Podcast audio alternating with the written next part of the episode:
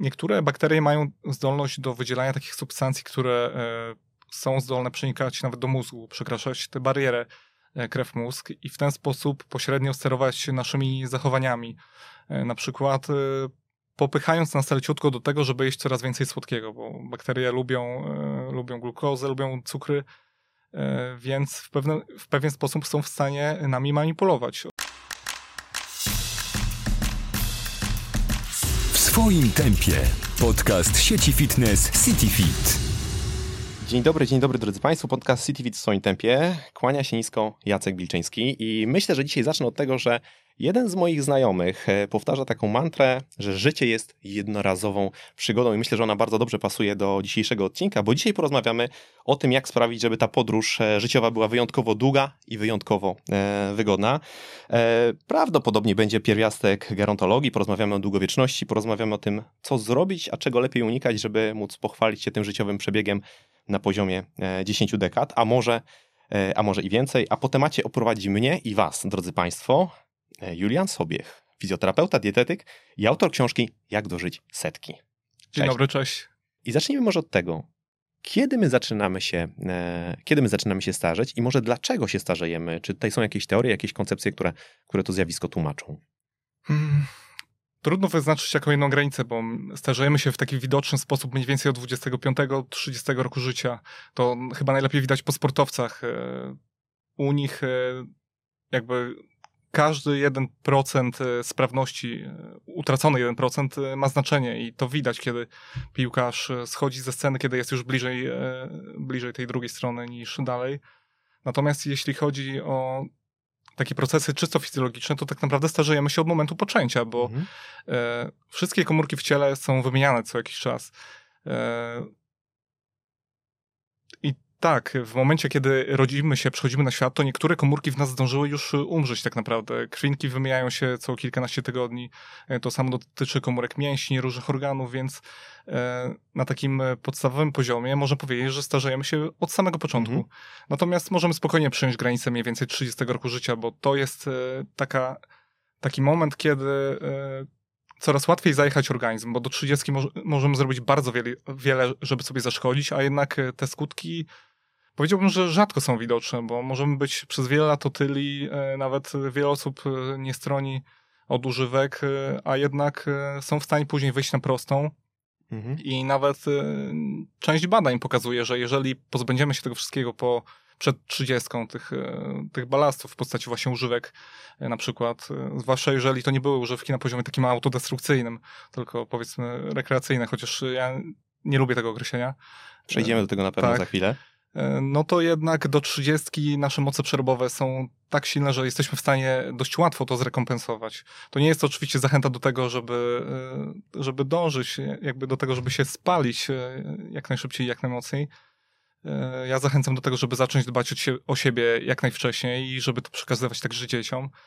No ale tak, ta trzydziestka to jest mniej więcej, mniej więcej, bo u każdego też jest, leży to trochę gdzie indziej, taka granica, e, którą możemy przyjąć właśnie za początek starzenia mhm. w widocznym takim wymiarze. Mhm.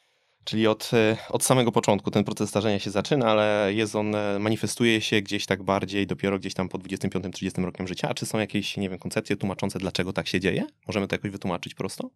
E, jest wiele koncepcji, żadna na razie nie zwyciężyła i pewnie posypie się jeszcze nie jeden Nobel w tej dziedzinie w przyszłości, raczej bliższej niż dalszej.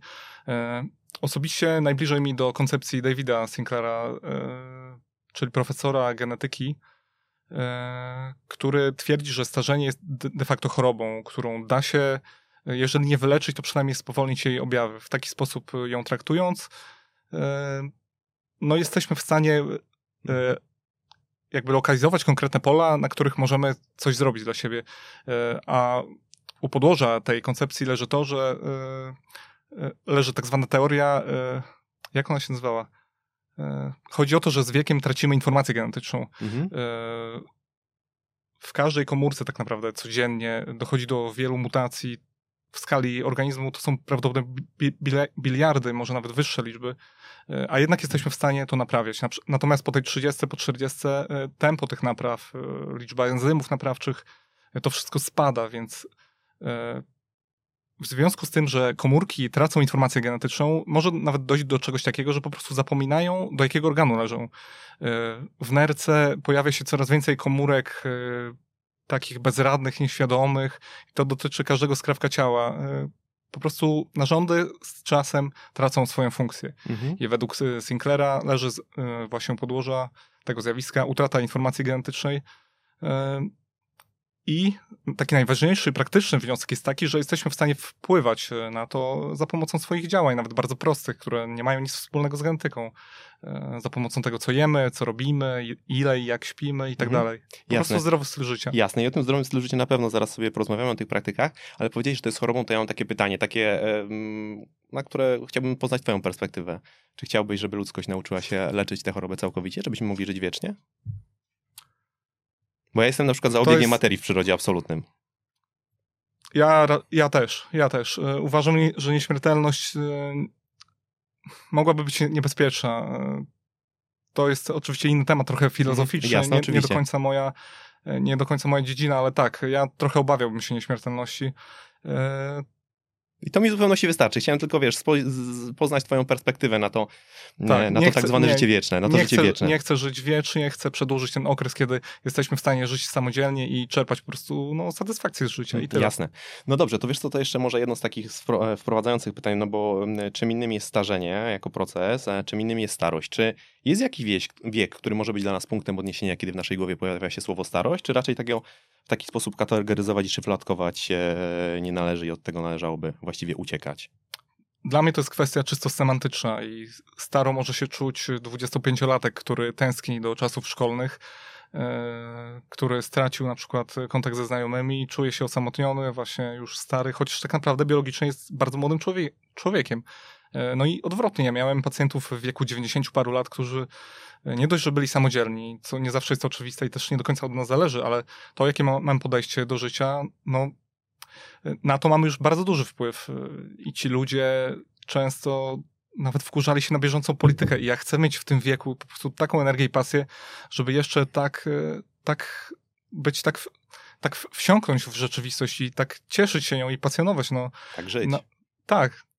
No, chciałbym po prostu to osiągnąć mhm. i dzielę się tym, że chciałbym, żeby też, żebyśmy w Polsce to osiągnęli, bo jednak mimo, że e, jesteśmy już bliżej tych najbardziej długowiecznych krajów, to jest jeszcze bardzo wiele do zrobienia u nas. Mhm. Okej, okay, dobra. No to e, poszerzmy trochę to, bo chciałbym cię jeszcze zapytać o pewne różnice, a właściwie o jakieś możliwe ich podłoże, czy jest tego jakieś wytłumaczenie. Ja mam tutaj cytat Pozwól, że przeczytam go zarówno Tobie, jak i naszym słuchaczom. Mężczyźni żyją krócej w zdecydowanej większości krajów świata. W przypadku krajów rozwiniętych ta różnica wynosi około 5-6 lat. W przypadku krajów takich jak Rosja, Białoruś, Litwa czy Ukraina nawet ponad 10. Dla przykładu w Rosji to jest 13,4. Polska trwanie życia to jest, e, ta, ta różnica między kobietami a mężczyznami to jest blisko 8 lat. I to, jest, e, to się odbywa pomimo, że mm, w porównywalnych grupach wiekowych kobiety są mniej sprawne niż mężczyźni co dowodzą badania zarówno amerykańskie, jak i badania włoskie na, na stulatkach. I tu jest moje pytanie, czy my możemy mówić o pewnej feminizacji starości albo maskulinizacji starości, e, w zależności z której perspektywy na to będziemy patrzyli, skąd się to bierze? E, to zacznę od końca. Biologicznie patrząc na to zjawisko, nikt jeszcze tego nie wie. I za to też prawdopodobnie posypią się Noble, bo to jest coś, co no, ciekawi tak naprawdę cały świat. Nie wiemy, dlaczego kobiety tak naprawdę na całym świecie żyją dłużej, e, tak jak powiedziałeś, w różnym wymiarze, ale jednak praktycznie wszędzie dłużej. E, najłatwiej jakby najłatwiej e, zwalić to na hormony, ale wydaje mi się to zbyt proste. Za tym musi stać jakaś szersza, jakiś szerszy proces, jakieś głębsze podłoże. Czyli, nie to, wiem, nie jak... czyli to, są, to jest w pewien sposób uwarunkowane, nie wiem, genetycznie, to nie jest kwestia naszych na przykład zachowań, e, różnic, to, to jest pytanie moje bardziej. E, w skali świata praktycznie nie ma takich społeczeństw, w których e, mężczyźni żyliby wyraźnie dłużej. E, jest kilka krajów pojedynczych, w których ta różnica wynosi nawet chyba mniej niż te wspomniane przez 5 lat, 2 czy 3 lata. To są pojedyncze kraje, ale nadal kobiety żyją dłużej. Co z tym zrobić, cholera? Czyli nie ma prostego wytłumaczenia. Rozumiem, że nauka prostego nie Prostego wytłumaczenia nie ma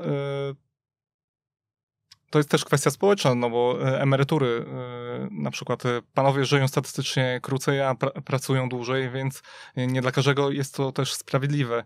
Aczkolwiek to nie jest też płeć to nie jest wyrok, Mhm. jakby mówiąc wprost, bo kobiety też niestety często, jeżeli, jeżeli są wystarczająco odpo- obciążone, jakkolwiek to brzmi, to również mogą żyć krócej niż mężczyźni, ale to dotyczy raczej konkretnych grup zawodowych, tak jak pielęgniarki w Polsce. E, No, Ja czy- najchętniej mówiłbym właśnie o naszym kraju, bo na ten temat mam Mhm. największą wiedzę po prostu. Możemy odnosić naszego kraju, czyli lepiej urodzić się kobietą. E, tak najprościej mówiąc, na pewno jest łatwiej dożyć setki będąc kobietą niż mężczyzną, ale mężczyźni też ma, mają na to e, niemal równie wysokie szanse. Okej, dobrze. No to e, myślę, że ostatnie pytanie, zanim przejdziemy do, do tych e, konkretnych praktyk, praktyk już e, i sedna poszczególnych aspektów naszego życia, które wpływają na tę długowieczność albo mogą wpływać na tę długowieczność, zarówno pozytywnie, jak i negatywnie. Chciałem cię jeszcze zapytać, czy jest jakaś, nie wiem, jakaś nauka, jakieś lekcje, które my możemy wyciągnąć z populacji długożyjących? Czy, czy są jakieś, nie wiem, cechy charakterystyczne, które są wspólne na przykład dla, nie, dla mieszkańców tych e, niebieskich stref, gdzie rzeczywiście to życie jest wyjątkowo, ta długość życia jest e, wyjątkowo wysoka. Mm, Jeżeli chodzi o te niebieskie strefy, to dla mnie to jest bardziej koncepcja marketingowa niż e, taka czysto naukowa. Wzięło się to stąd, że po prostu ten badacz, który to wymyślił, e, bo tak, tak mogę, no wymyślił tę koncepcję, e, jeździł po świecie e, do miejsc, gdzie ludzie już faktycznie żyją najdłużej i starał się wyciągnąć jakieś wspólne elementy. Natomiast między tymi strefami też, też są różnice.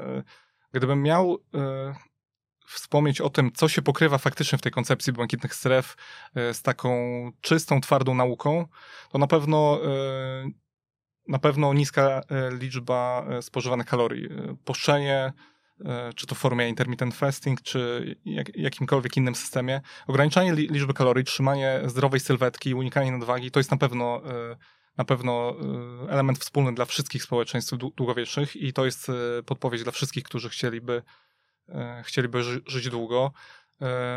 Na pewno ruch, sieci społeczne, takie wspierające, bo jest też bardzo wiele na świecie miejsc, e, w których starość traktuje się zupełnie inaczej niż u nas. U nas e, jest jeszcze całkiem nieźle, bo starsi ludzie e, biorą udział w życiu rodzinnych, często traktuje się ich e, wciąż jako skarbnicę wiedzy, nawet mimo, e, mimo internetu. Natomiast e, są też e, kraje czy społeczeństwa, w których e, ci starsi ludzie są totalnie ig- ig- ignorowani, e, wykluczani, traktowani jako takie resztki e, człowieka.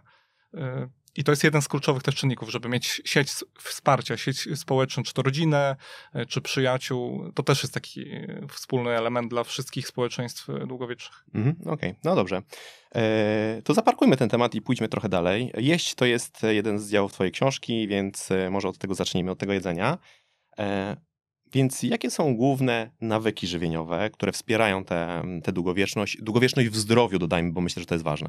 Tak, długowieczność w zdrowiu, tylko na tym nam zależy, żeby być po prostu zdrowym, sprawnym i samodzielnym. E...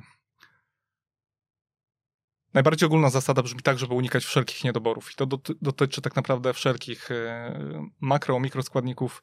E, dla mnie najważniejszym e, składnikiem ze wszystkich jest białko. W tym kontekście, oczywiście nie może brakować nam też innych, ale białko jest najważniejsze w tym kontekście, że jego ilość bezpośrednio koreluje z tym, z tym, ile będziemy żyć, przynajmniej na takim poziomie, e, na takim poziomie e, właśnie zachowania sprawności, bo jeżeli jemy za mało białka, ja podaję konkretnie, konkretne wytyczne dla konkretnych grup wiekowych i tam moglibyśmy rzucać liczbami, natomiast jeżeli nie jemy, jeżeli jemy e, nie mniej niż 1,2 grama na e, kilogram masy ciała dziennie, średnio, to taka, taka ilość zabezpiecza nas przed tym, żeby e, doznać, e, jakby doświadczyć sarkopenii. Sarkopenia to jest zanik mięśni e, związany z wiekiem. On jest nieuchronny, ale możemy mu e, przeciwdziałać dość skutecznie za pomocą dwóch czynników, czyli e, treningu siłowego, ale o tym może później. Najbardziej. No i właśnie odpowiedniej diety, a tutaj podstawą jest białko. Białko jest potrzebne do, do tego, żeby, żeby dostarczyć nam budulec, ale także dostarczyć azot organizmowi. Potrzebujemy w młodym wieku około tej 30, k- którą powiedzmy uzna- przyjmijmy za tą granicę.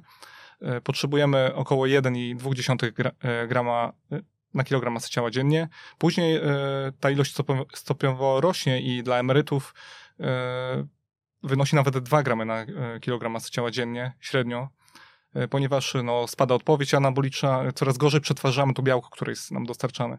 Więc to jest taka podstawa.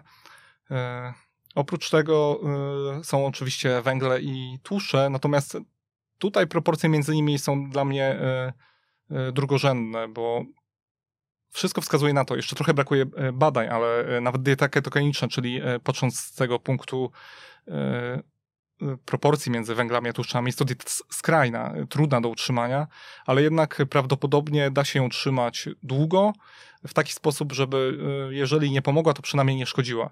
E, zdrowiu długofalowo. E, na pewno nie wolno pozbywać się tłuszczów z diety, bo to już zupełnie inna sprawa. Bez tłuszczów bardzo szybko zginiemy, tak samo jak bez białka, natomiast bez węgli jesteśmy w stanie sobie poradzić, co nie znaczy, że jestem fanem tej koncepcji, bo ja na przykład nie, po, nie byłbym w stanie pozbyć się e, z diety wszystkich, nie wiem, deserków i tak dalej, raz na jakiś czas, przynajmniej w formie cheata. Lubię też węgle w postaci pieczywa.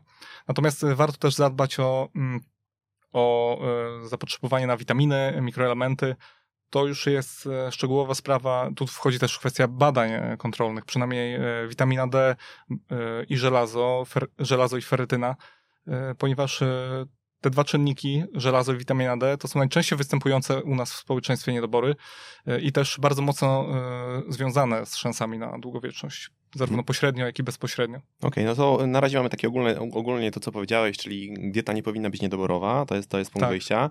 E, powiedzieć o spożyciu protein jako ten czynnik, który jest bardzo istotny. E, wspominałeś, że białko, że węglowodany i tłuszcze tutaj nie masz aż tak, e, że one nie są aż tak istotne z punktu widzenia długowieczności, przynajmniej proporcje między nimi. Tak, te proporcje. Ale ja bym chciał zejść jeszcze piętro niżej, bo zakładam, że skoro w ten sposób o tym mówisz, to nie ma jakiegoś idealnego albo optymalnego modelu żywienia, które sprzyjałby długowieczności. Jeżeli jest, to, to będę prosił cię o wyprowadzenie mnie z błędu. Ale chciałbym też jakby trochę rozwinąć to i może od razu, żebyś ty tutaj dopowiedział, bo ja słyszałem o tym wiele razy i mam wrażenie, chociaż mogę się mylić, że jest to całkiem dobrze udokumentowane w literaturze naukowej, że jeżeli mówimy o długowieczności, to istotny jest wzorzec rozkładu energii, czyli dystrybucja kalorii w ciągu dnia. Jeżeli się mylę, to, to, to oczywiście proszę o naprostowanie mnie, a jeżeli nie, no to gdybyś mógł dwa słowa na ten temat powiedzieć. E, pytanie, co ro rozumiesz przez tą dystrybucję, e, jak ona wygląda e, w tych badaniach, które, które cytujesz? Nie ja nie cytuję na razie żadnego badania. Jakby ja okay. mam wrażenie, że jest to dosyć dobrze udokumentowane w literaturze, bez konkretnego odniesienia, a raczej wzorzec spożywania, czy spożywamy więcej kalorii w ciągu dnia w godzinach porannych, czy raczej w godzinach popołudniowych, o to pytam. E, ale ja tu nie jestem ekspertem, więc jakby ja, ja tylko dopytuję, jeżeli uważasz, że to nie ma jakby tutaj związku z, z długowiecznością, nie, to... chciałbym mieć tu jedną konkretną odpowiedź, natomiast y, ja nawet jeden z podrozdziałów nazywa się w ten sposób, że nie ma idealnej diety, bo jestem zdania, że jeżeli e, dotrzymam tych podstawowych zasad na podstawowym poziomie, właśnie brak niedoborów, e, konkretne zapotrzebowanie na przynajmniej te podstawowe składniki, to można uskładać z tego bardzo wiele różnych diet. Jeśli chodzi o tą dystrybucję energii, ja preferuję akurat osobiście też y, mam w sobie na tyle pokory, żeby nie twierdzić, że to jest jedyna słuszna koncepcja, ale ja jestem za tym, żeby y, y, żeby może nie tyle nie jeść po 18, ale żeby nie obiadać się na noc. Przy czym to też nie jest taka zasada uniwersalna, bo jeżeli ktoś trenuje na przykład wieczorem, to nic nie stoi na przeszkodzie, żeby trochę uzupełnić i kalorii, i, i protein. E, natomiast jest to w mojej ocenie, e, przynajmniej na, na, ówczes, na dzisiejszy mój stan wiedzy, sprawa raczej drugorzędna. E, dietetyka to jest właśnie taka najbardziej najbardziej grząska dziedzina z tych wszystkich powiązanych z długowiecznością, właśnie dlatego, że te nasze metody badawcze są też jeszcze dość prymitywne w porównaniu do tego, co prawdopodobnie będzie za 100, 200, 500 lat. Słuchacie podcastu sieci fitness CityFit ciekaw jestem, co sprawia, że akurat nauką o żywieniu przypisujesz taką etykietę e, dużej niedoskonałości i takiego, takiego grząskiego gruntu. To znaczy, niektóre rzeczy jesteśmy w stanie zbadać bardzo prosto, ale e, nie wiemy dokładnie, jak działają konkretne składniki i konkretne ilości na takim poziomie, nie wiem, nanomolekularnym. To wszystko jest przed nami. E, my to wszystko rozpatrujemy w kategorii na razie szans, rachunku prawdopodobieństwa ja też e, nie wnikam na takim poziomie e, bardzo szczegółowym w to. Ja, ja trzymam się e, tego, żeby przekazywać podstawowe zasady.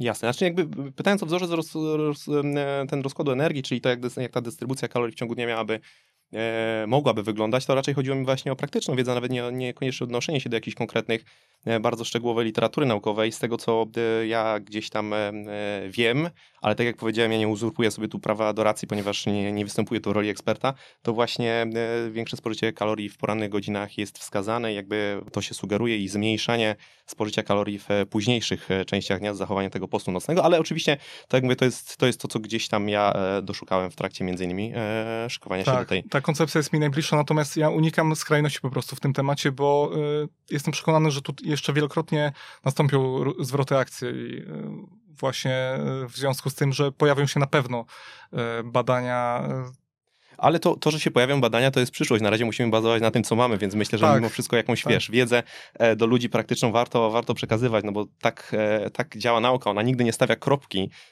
ona zawsze gdzieś tam e, zostawia otwarte pole do, do, do, do rozwoju, natomiast na czymś bazować musimy, prawda? Musimy, tak, dlatego y, chciałbym, żeby ta książka była evergreenem, żeby jak najdłużej była aktualna, dlatego y, podaję właśnie te podstawowe e, zasady, których sam się trzymam, a poza tym, jeżeli pojawi się jakaś nowa koncepcja, czy czy nawet te, które istnieją, o której mówisz, zostanie udowodniona, bo ja nie mam do niczego stuprocentowego przekonania i zaufania w kwestii dietetyki, E, po prostu już, e, już mogę powiedzieć, że fabrycznie e, mam tu, mam tu takie obciążenie. A to dotyczy tylko dietetyki? Głównie dietetyki, właśnie dla, ze względu na to, że na wszystko jesteśmy w stanie tak naprawdę zdobyć dowody. To znaczy, wiadomo, że jest różnie z jakością badań, dlatego bardzo ważna tutaj rola takich osób, które w przestrzeni publicznej zajmują się demaskowaniem badań niskiej jakości osób czy mediów, które je cytują. E, to też jest już nie do końca moja działka, ale e, bardzo doceniam pracę takich detektywów, e, bo bardzo łatwo w dzisiejszym świecie zdobywają popularność, czy to konkretne systemy dietetyczne, czy konkretne badania wyciągnięte z kontekstu, albo źle zinter zinterpretowane. No to jest bardzo grząski nurt i przyznam, że moja najmniej ulubiona część tego zdrowego stylu życia, ale jednocześnie jest chyba najważniejsza, więc nie ma innego wyjścia, jak poszerzać wiedzę, e, przyjmować z pokorą to, co przynosi nauka, no i próbować też e, na sobie samym, bo każdy z nas jest jednak nieco inny. Z jednym się zgodzę na pewno z tym, że bardzo wiele osób e, podpiera się literaturą naukową, nie do końca potrafiąc ją analizować, nie mając podstawowej wiedzy z zakresu metodologii, czy też, czy też statystyki chociażby co, co sprawia, że bardzo często wnioski, które są wyciągane są e, dużą nadinterpretacją, ale to odsuńmy na bok, bo, bo to nie temat naszej dzisiejszej rozmowy. E, skoro jesteśmy przy wyżywieniu, to jeszcze chciałbym kilka rzeczy tutaj dopytać i, i jeszcze też może m, za chwilę kilka takich praktycznych, bardzo praktycznych, namacalnych wskazówek e, podać trochę, trochę za pośrednictwem twojej osoby, naszym słuchaczom i widzom. Ale chciałbym zapytać, bo to jest e, temat, który jest bardzo gorący, on bardzo często w mediach się pojawia. Mam na myśli e, temat autofagii. I zakładając, że my nie mówimy o drożdżach, nie mówimy o muszkach owocowych, mówimy o modelu ludzkim. Czy bo często autofagia występuje w towarzystwie właśnie jakichś postów przerwanych, w towarzystwie głodówek e, i nagminnie właściwie w internecie e, buduje się oś tej dietetycznej e, dyskusji, niekoniecznie naukowej, często nienaukowej, właśnie z długowiecznością w tle. I to jest moje pytanie. Czy my możemy nią sterować? Czym w ogóle ta autofagia jest i, i, czy rzeczywiście te modele żywienia, o których wspomniałem, mają tu jakiś istotny, istotny wpływ? Czy możemy nią w jakiś sposób świadomie zarządzać? E, w bardzo małym stopniu to jest jednak e, autonomiczny układ e, ciała, aczkolwiek możemy częściowo na niego wpływać właśnie, a przynajmniej tak przypuszczamy, bo nie jesteśmy jednak drożdżami czy muszkami. Natomiast współcześnie E, sprzyja, autofagia to jest e, e, powiedzmy zaprzęgnięcie na naszą korzyść tych mechanizmów sprzątających w organizmie. Jeżeli nie jemy tak jak przy poście przerwanym przez 12-14 godzin, bo tyle uważa się mniej więcej za tą granicę, kiedy te mechanizmy odpalają się w takim stopniu sprzyjającym długowieczności. Jeżeli nie jemy przez te 12-14 godzin z rzędu w ciągu doby, no to prawdopodobnie odpalają się właśnie te mechanizmy, które pozwalają e, czy to przerobić stare białka, czy inne produkty e, przemiany materii. To jest, e, przyznaję, bardzo popularny nurt w tym, w tym, w tym temacie i w dzisiejszych czasach. Natomiast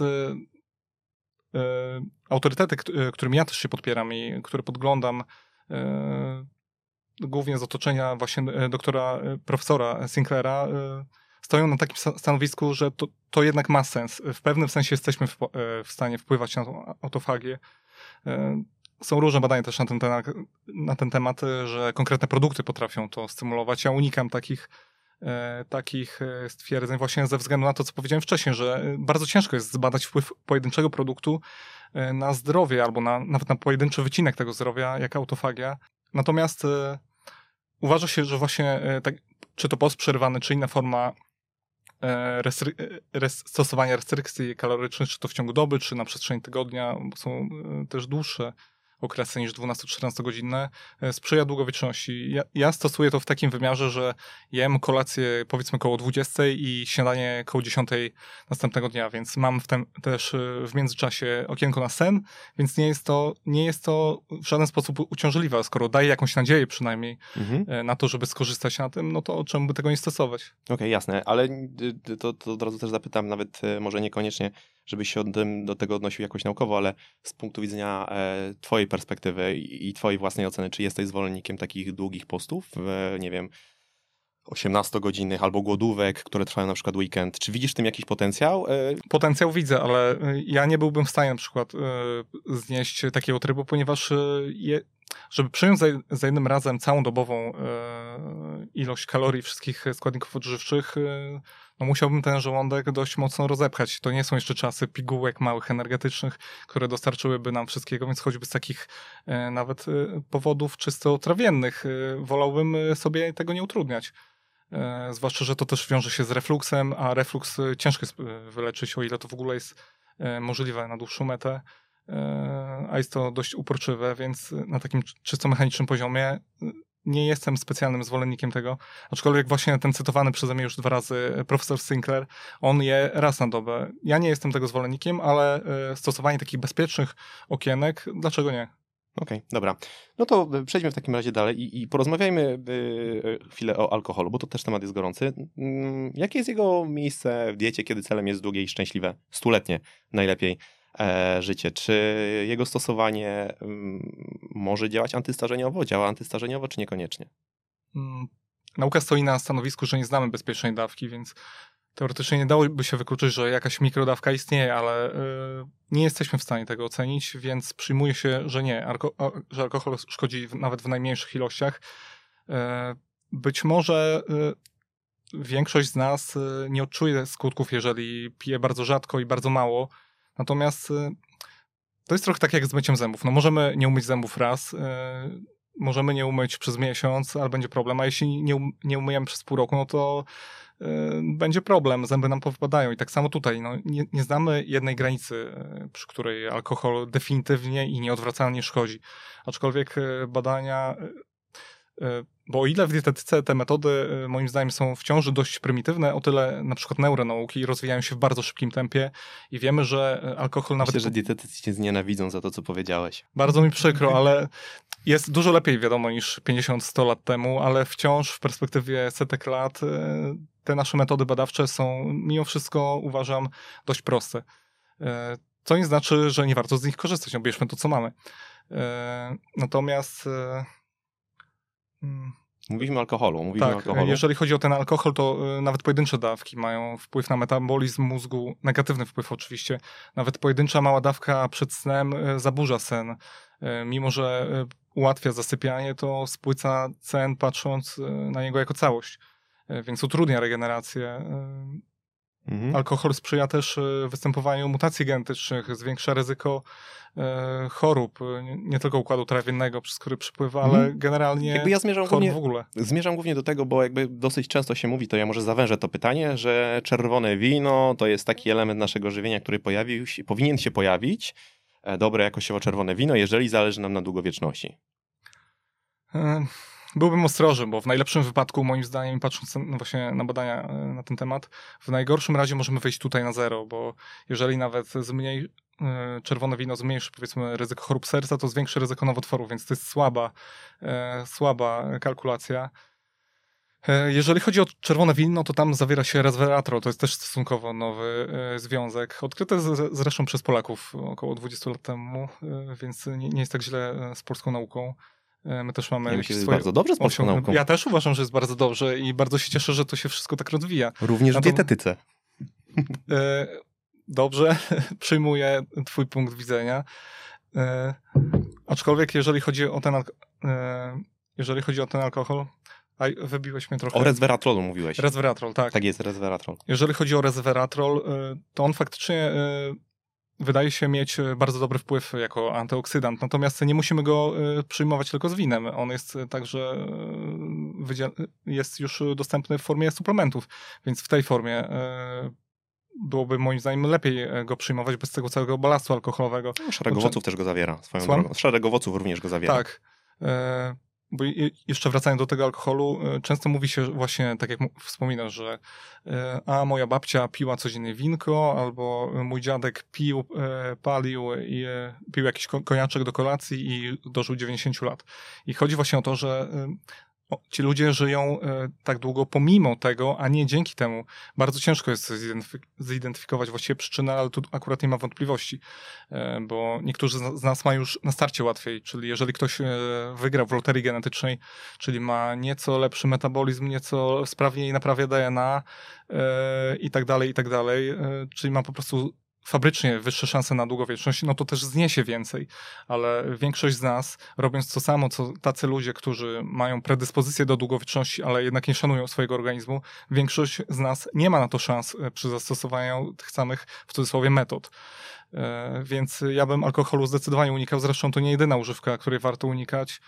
E, ja też studiowałem, więc znam to środowisko i spojrzenie, no młodych ludzi, jak to brzmi, rany w ogóle, że nie, tego ja myślę, absolutnie, absolutnie, ludzie, ale... Nie, ja uważam, że to absolutnie dobrze brzmi. Zresztą stanowisko Światowej Organizacji Zdrowia, które pojawiło się całkiem niedawno, jest jednoznaczne, że nie ma bezpiecznej dawki alkoholu. Tak. E, etanol jest toksyczny w, w każdej dawce, jakby ja tu się absolutnie podpisuję, tak. że procenty to jest taka trochę rosyjska ruletka o bardzo wysokim stopniu ryzyka i w żadnym wypadku nie możemy tłumaczyć spożycia alkoholu e, dbałością, e, dbałością o zdrowie, więc tutaj się e, absolutnie, absolutnie z, tobą, z tobą zgadzam w tej materii. Także i też uważam, że trochę ten trend, albo mam taką nadzieję, może to jest moje chcieństwo, ale mam taką, takie wrażenie, że ja coraz częściej spotykam ludzi, którzy odwracają kieliszek, wiesz, do, do góry dnem i mówią, ja nie piję, tak? To jest mój, mój, mój wybór. To nie wynika z tego, że że nie wiem, że mam z tym jakiś problem, tylko to jest moja e, osobista decyzja, ją podejmuję świadomie i, i tyle, tak? Więc jakby myślę, że, że tak, był taki mocny trend też piętnowania ludzi, którzy e, nie chcą pić alkoholu, ze mną się nie napijesz, te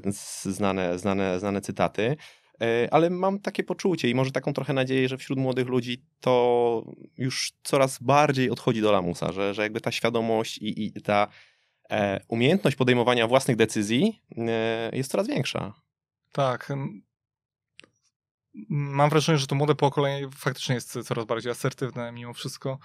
E, coraz bardziej asertywne, coraz bardziej unika tej kultury picia, kultury zapierdzielu, czyli e, po prostu pozbywa się tych balastów e, z poprzednich pokoleń. Ja też nie chcę, broń Boże, poprzednich pokoleń w żaden sposób szkalować ani demonizować, no bo jednak oni zbudowali ten kraj, wywalczyli wolność. To były też pokolenia straumatyzowane wojną, socjalizmem, więc jestem daleki od tego, żeby tych ludzi, którzy stworzyli warunki, w których mieliśmy szansę dorastać i żyjemy dziś, żeby ich demonizować, bo trzeba być im wdzięcznymi, ale to jest też zauważam ten trend mhm. odchodzenia od alkoholu i też uważam, że no, jest bardzo dobry. Jest oczywiście, jest korzystny dla zdrowia, na pewno jest korzystny dla zdrowia, tak. no oczywiście to jest e, temat e, zdecydowanie bardziej złożony, bo to jest też element kulturowy w jakiś sposób, prawda? E, więc myślę, że wystarczy, jeżeli z tego popłynie taka informacja i taki wniosek bardzo mocno podkreślony, że alkohol nie jest narzędziem do poprawy stanu zdrowia Absolutnie. i nie możemy go w ten sposób, w ten sposób postrzegać. Ale skoro mieliśmy alkohol, to jeszcze jedna rzecz, która też często się pojawia, mm, która jest związana z żywieniem i też tutaj wiele różnych hipotez gdzieś krąży w internecie, nie zawsze trafnych.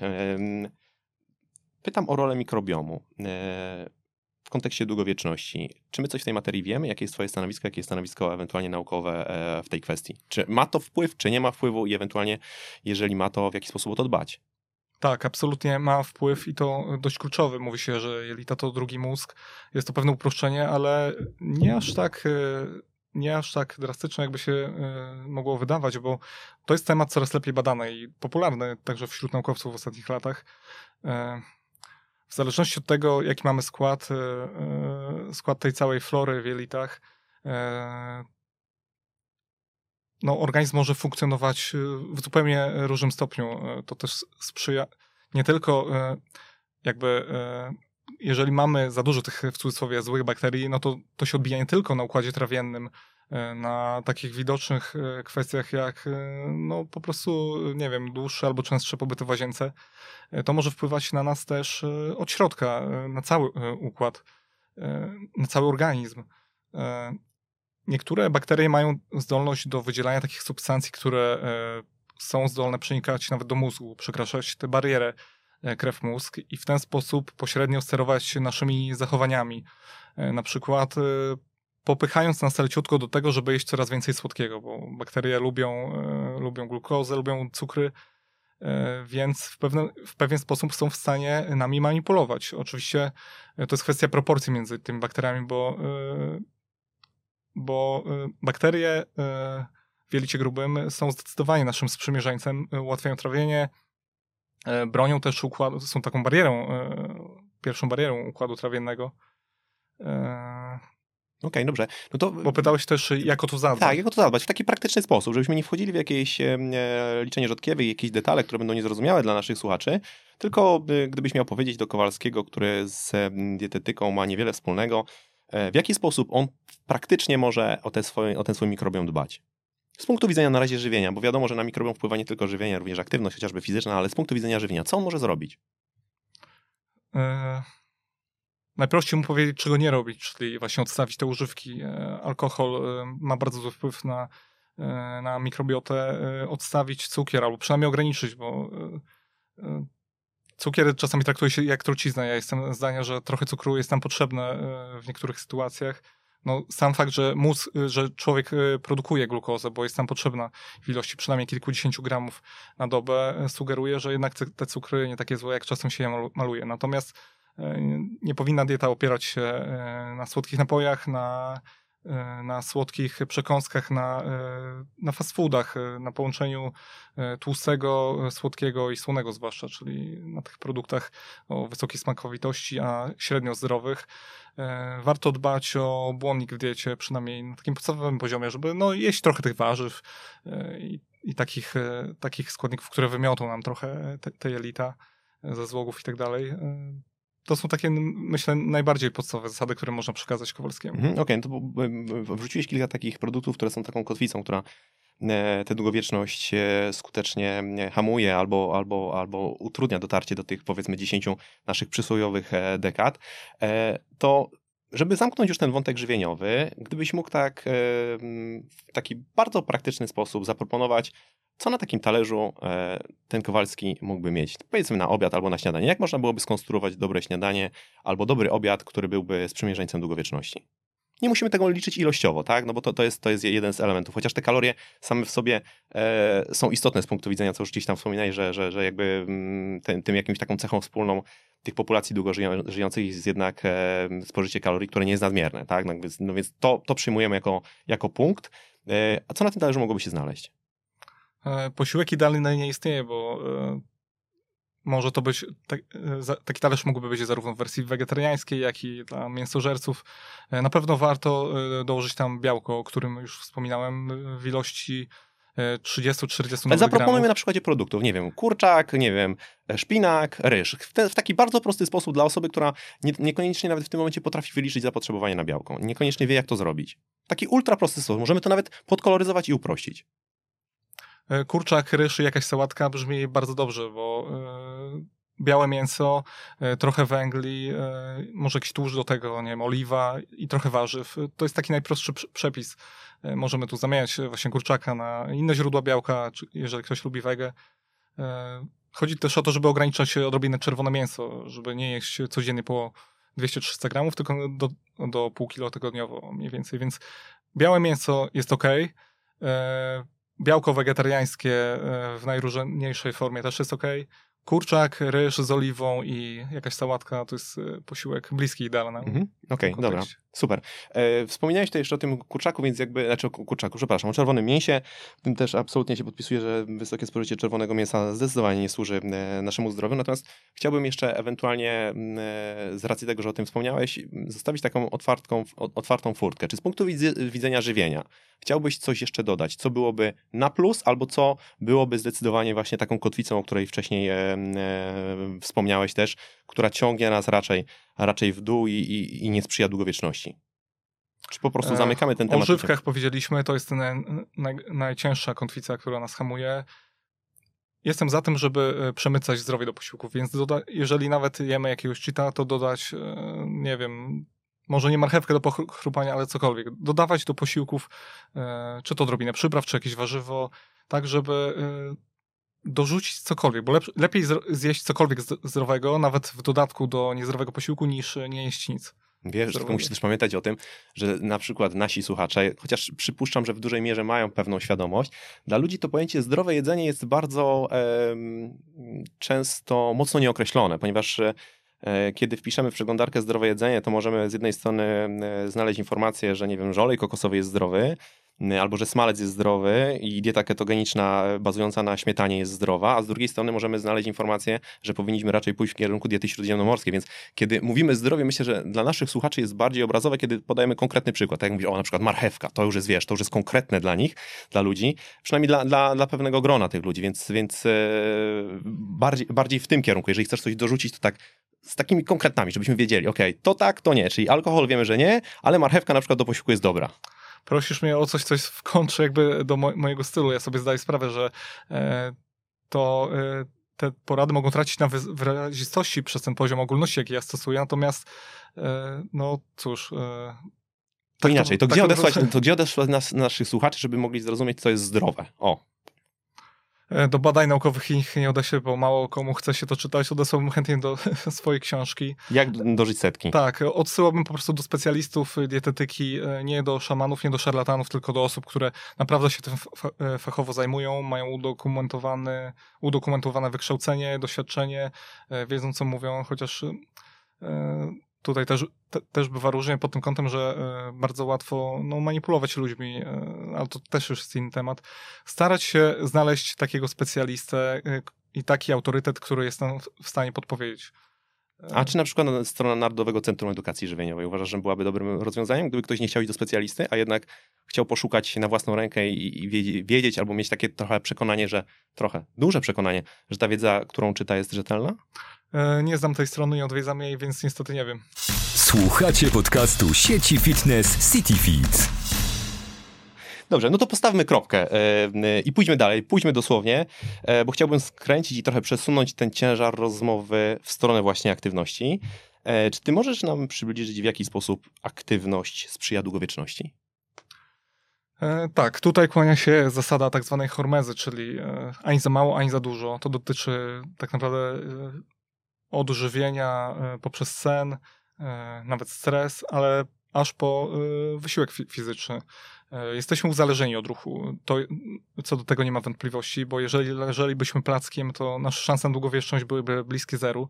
Chociaż ja też podaję w książce przykład człowieka, który od kilkudziesięciu lat żyje w metalowej rurze, ponieważ zachorował w młodości na polio i jakoś sobie radzi, ale to jest wyjątek właśnie, który Indywidualnych obserwacji nie tak, przenosimy na populację, tak, tak. Mhm. Dokładnie. To są dowody anegdotyczne i właśnie w tym celu y, też go y, cytuję i podaję, żeby uczulić y, uczulić na ten temat, że jednak ruch jest niezbędny na wielu polach, ponieważ musimy zadbać o sprawność układu krążenia, o, o zdrowie stawów.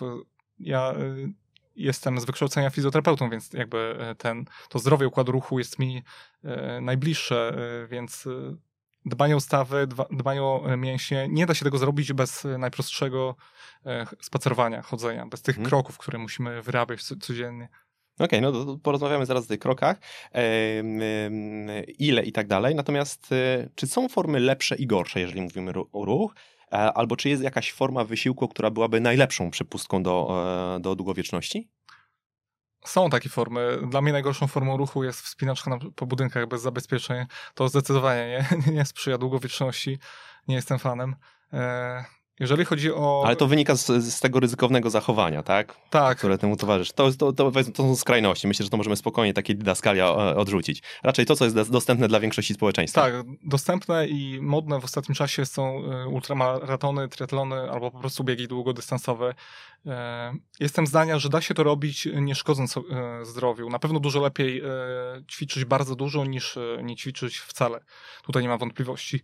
Natomiast sport na wysokiej intensywności, nawet jeżeli uprawiany rekreacyjnie, amatorsko, e, wiąże się z tym, że musimy absolutnie się badać, bo e, pierwsze co obrywa to jest serce. Jeżeli ćwiczymy zbyt, zbyt intensywnie przez wiele, wiele lat, możemy nawet tego nie odczuwać, ale w sercu mogą pojawić się drobne mikrourazy, zbliznowacenia, E, po pewnym czasie możemy osiągnąć efekt taki, jak w praktyce e, byłby po zawale, czyli po prostu, że część e, mięśnia sercowego nie pracuje albo pracuje mało efektywnie.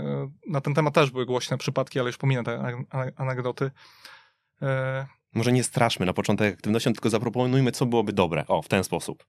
Przesuńmy ciężar. Ja biegania na przykład nie lubię, ale to jest tak naprawdę jedna z najlepszych aktywności. Mhm. Nie dość, że robimy kroki, to wzmacniamy organizm na wielu polach treningi oporowe e, to też jest wspaniała aktywność pod każdy, w każdej formie, e, czy to siłownia, czy to kalistenika, crossfit, nawet pole dancing. E, cała masa treningi Ninja Warrior, ostatnio także dość popularne. Jest cała masa cała masa aktywności, które mogą, e, mogą wpływać na to, żeby, żebyśmy pozostali sprawi jak najdłużej. Mhm, ale to, Bo taka jest... Mhm, okay, ale czy z punktu widzenia długowieczności, czy, czy nam coś w ogóle w tej materii wiadomo? Czy powinniśmy bardziej postawić się, zakładając, że wszystko nam odpowiada, tak? E, że jesteśmy taki, tacy trochę ambiwalentni e, w podejściu do, do tej formy ruchu. Czy lepsze są wysiłki tlenowe, czy lepsze są wysiłki beztlenowe, czy raczej tutaj nie ma... Mm.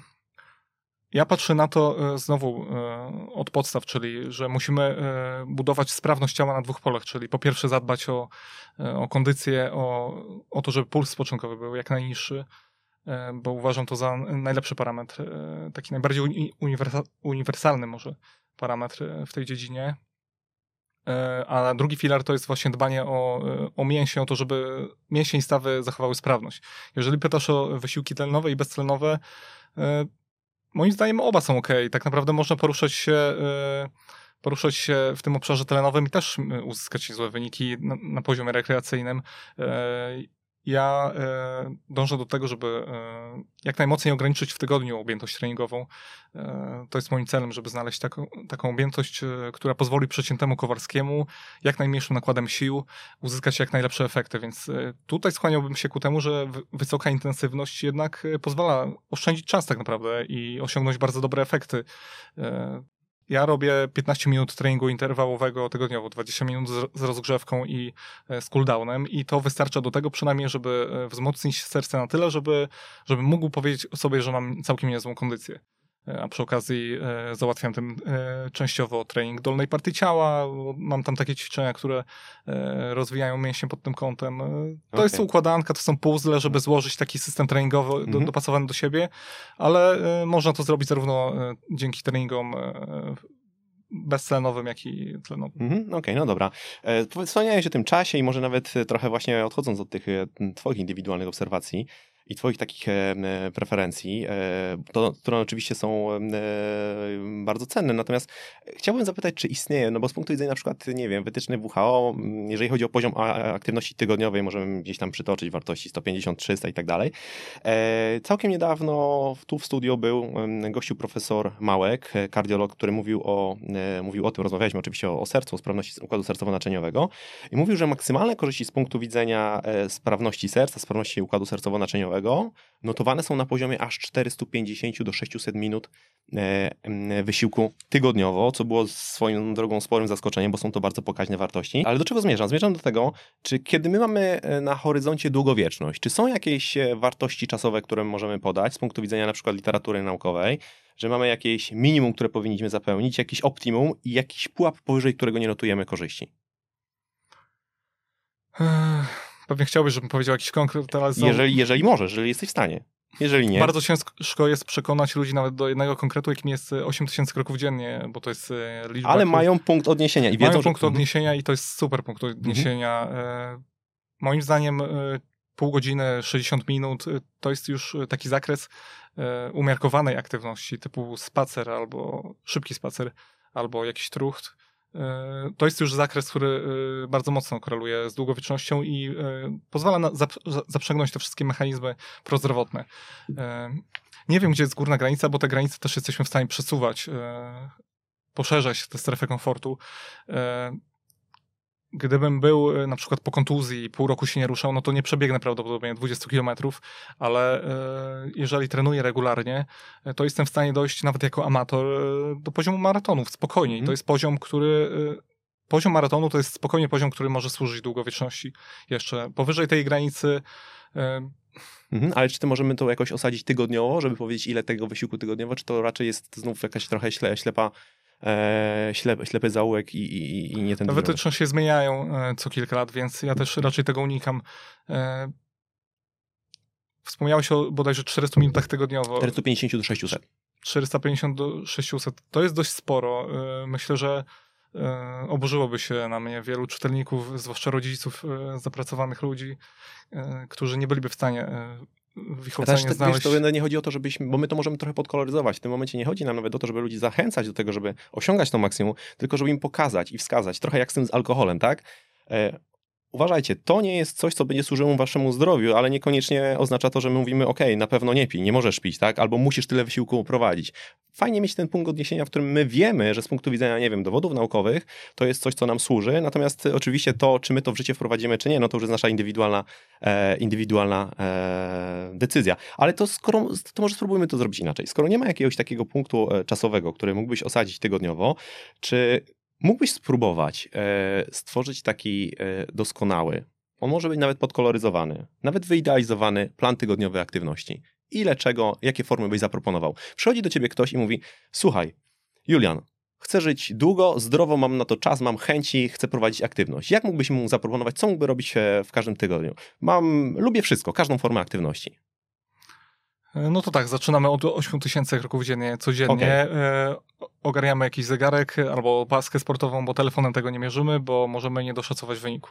E, I później jest płacz. E, I to jest kompletnie bez sensu, więc zaopatrujemy się w zegarek, robimy 8000 kroków dziennie. Poniedziałek to jest Międzynarodowy Dzień Kraty, więc możemy poćwiczyć wtedy górne partie ciała. W środę możemy poćwiczyć... Siłowo. Tak, siłowo. Oporowo. W jakiejkolwiek, mhm. oporowo, w jakiejkolwiek formie. W środę możemy poćwiczyć e, dolną partię ciała, a w piątek e, jakiś trening typowo pod kondycję, na przykład 15-minutowy interwał. I to, to taki zestaw spokojnie wystarcza. Kroki plus te trzy treningi. Hmm, czyli mamy kroki po prostu aktywność spontaniczną, tak. która jest bazą tak naprawdę zdrowego stylu życia na wielu polach i na to nakładamy trzy treningi w tygodniu, które trwają powiedzmy, nie wiem, strzelam teraz, ty strzel, bo to twój plan. Łącznie spokojnie mogą e, trwać do półtorej godziny. Pół godziny na taki trening moim zdaniem e, da się zrobić e, tak, żeby było idealnie pod kątem długowieczności. Czy do samej aktywności chciałbyś coś dodać?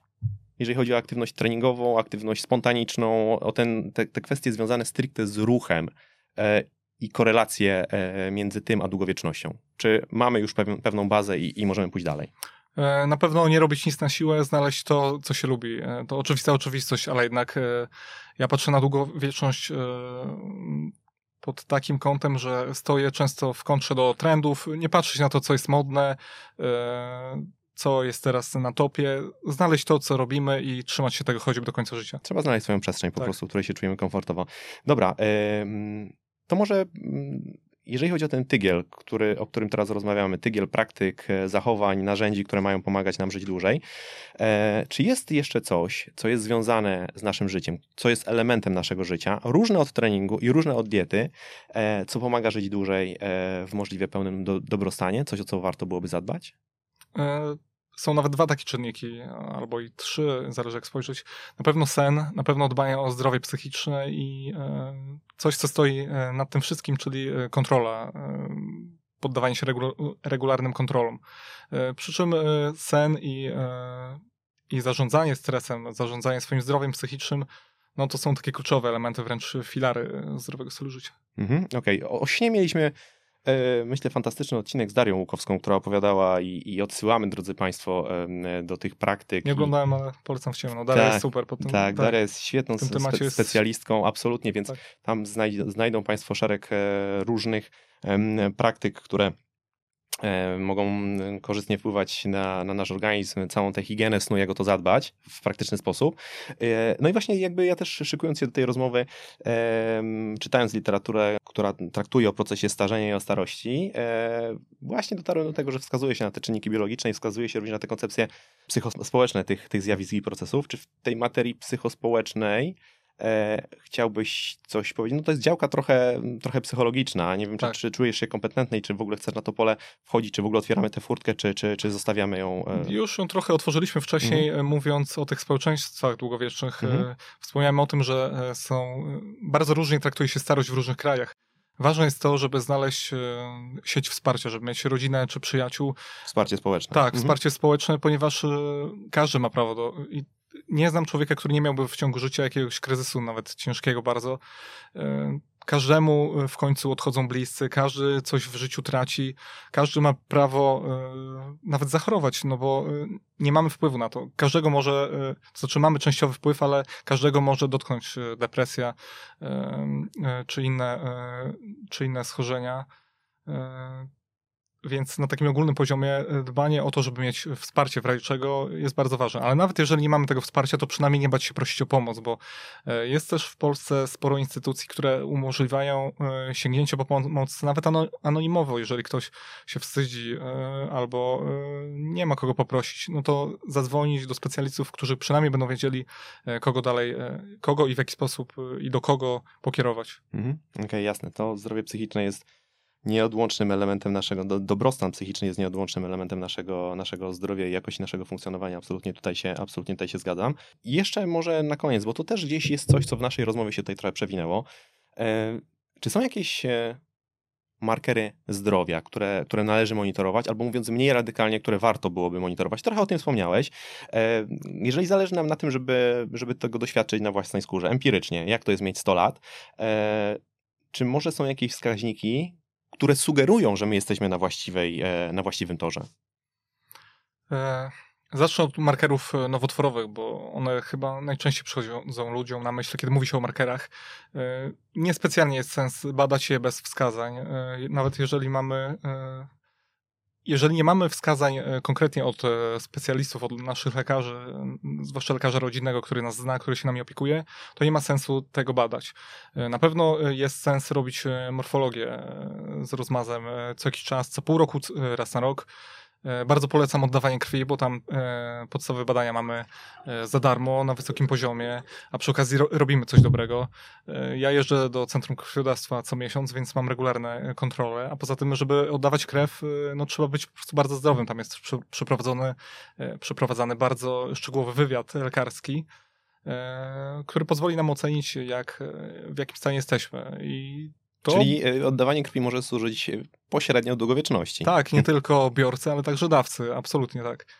E, warto badać też to, o czym wspomniałem, czyli e, poziom witaminy D3, e, poziom żelaza e, i ferrytyny, ponieważ to są niedobory najczęściej występujące w Polsce i jednocześnie bezpośrednio związane z szansami na długowieczność. Są też takie bardzo ładne wykresy właśnie ryzyka związanego z niedoborami, z nadmiarami i w jakie widełki się zmieścić. Są też różne normy w różnych laboratori- laboratoriach, więc trzeba mieć to na uwadze. E, Natomiast mniej więcej znamy ten poziom, e, e, przy którym szanse na długowieczność są najwyższe. Mm, Warto badać na pewno, jeżeli mamy jakieś obciążenia rodzinne, czyli na przykład ktoś choruje na serce albo ktoś chorował na nowotwory, warto też badać się regularnie w tym kierunku, nawet częściej niż takie standardowe zalecenia. Samo badanie e, piersi, piersi e, jąder e, u kobiet, u mężczyzn też jest bardzo ważne i bardzo proste do wykonania. To chyba tyle z takich podstawowych. Być może coś ominąłem, Mhm. być może coś ci przychodzi jeszcze na myśl, ale taki podstawowy, taka podstawowa kontrola raz w roku zdecydowanie. Okej, to jest taka pod- podstawowa kontrola naszego zdrowia. Tak. Natomiast czy są jakieś markery, które mogą powiedzieć, że ok, my na pewno jesteśmy, zakładając, że, że, że te badania laboratoryjne są, są w normie. Jakby ja może mm, trochę podpowiem, e, bo nie wiem, czy to jest prawdziwe. Ja, e, to, to jest informacja zasłyszana, że takim markerem długie, długowieczności może być e, e, poziom VO2 max i siła uścisku. Czy coś w tej materii wiadomo? Tak, o sile uścisku nawet kiedyś pisałem y, VO2 max, wi wiadomo, to jest jakby powiązane bezpośrednio z, z, naszą wydolnością, a y, praca serca, y, zdrowie układu krwionośnego to jest absolutna podstawa. Jeżeli chodzi o ten uścisk dłoni, to jest może nie da się tego szukać, czyli jeżeli wytrenujemy same przedramiona i będziemy mieć uścisk uścisk, nie wiem, Arnolda Schwarzeneggera, to nie, nie oszukamy w ten sposób organizmu, ale faktycznie e, jest taka zależność, że im jesteśmy w gorszej formie, im bardziej się starzejemy, tym siła tego uścisku słabnie e, i ta zależność jest dość silna. E. Czyli mamy pewną korelację między VO2 max i siłą uścisku, a długowiecznością. Tak, jestem skłonny przyznać tutaj rację tej koncepcji. Mhm. Natomiast przypomniało mi się, bo pytałeś jeszcze o te markery są też e, zegary e, różne molekularne, zegary starzenia się. Możemy badać na przykład stopień oblepienia czerwonych krwinek glukozą.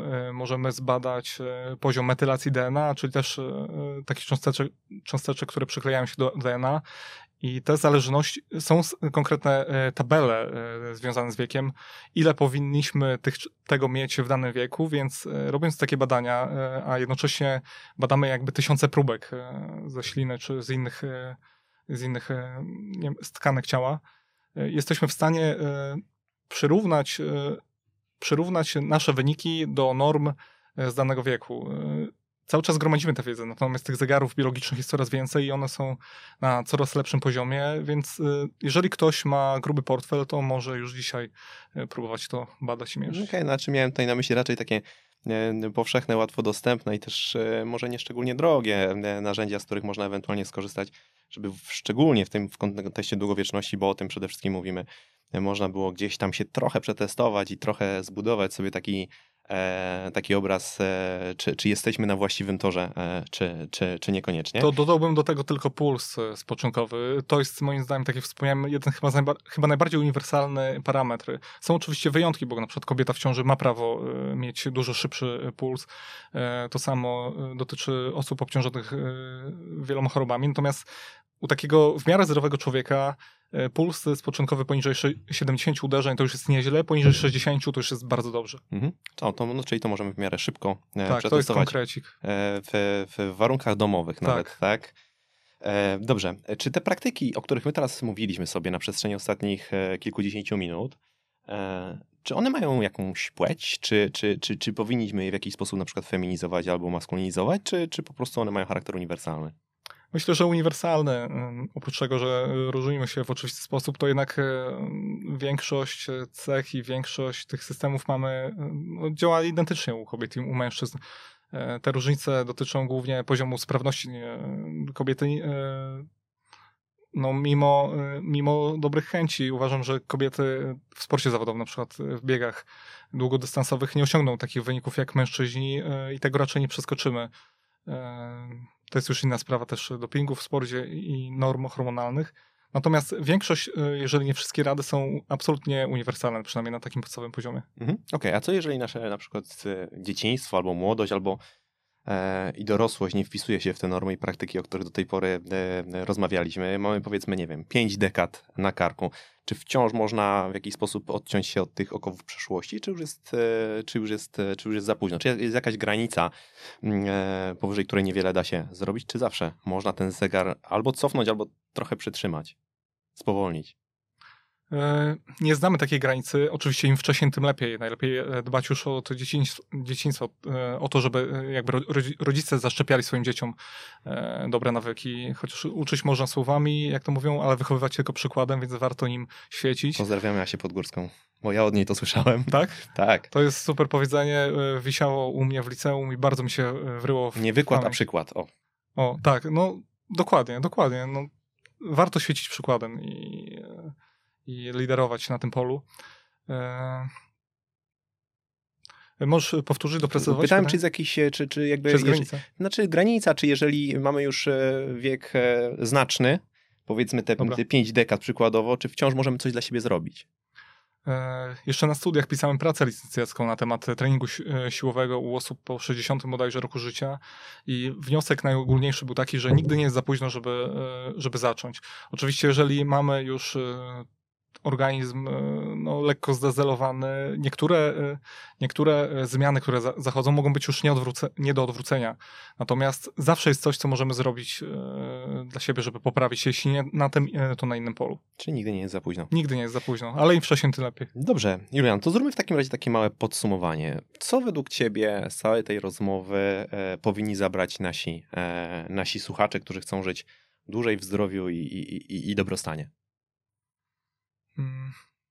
Taki kondensat praktyk, rad, które można zastosować, żeby e, dłużej cieszyć się zdrowiem i, i miejmy nadzieję e, dożyć tych 10 dekad z uśmiechem na twarzy. Po pierwsze, wysypiać się. Po drugie, unikać niedoborów. Po trzecie, dbać o białko, czyli e, nawet w młodym wieku minimum 1,2 grama na kilogram masy ciała średnio dziennie. Po trzecie, dbać o zdrowie psychiczne. Po czwarte, ruszać się. Przynajmniej 2-3 treningi tygodniowo, najlepiej oporowe. I codziennie robić 8000 kroków. I to tyle. Czy to coś? tyle, a jeżeli e, z czymś sobie nie radzimy, to nie bać się prosić o pomoc. Nie bać się prosić o pomoc. To, to ostatnie jest bardzo, bardzo fajnym przekazem. Ja ze swojej strony jeszcze może dopowiem, że lubię, lubię myśleć, że starość wyrasta z historii naszego życia i warto świadomie pisać tę historię już od, od najmłodszych lat. Drodzy Państwo, moim gościem był Julian Sobiech. Bardzo dziękuję Ci za rozmowę. Bardzo dziękuję. swoim tempie. Podcast sieci fitness CityFit.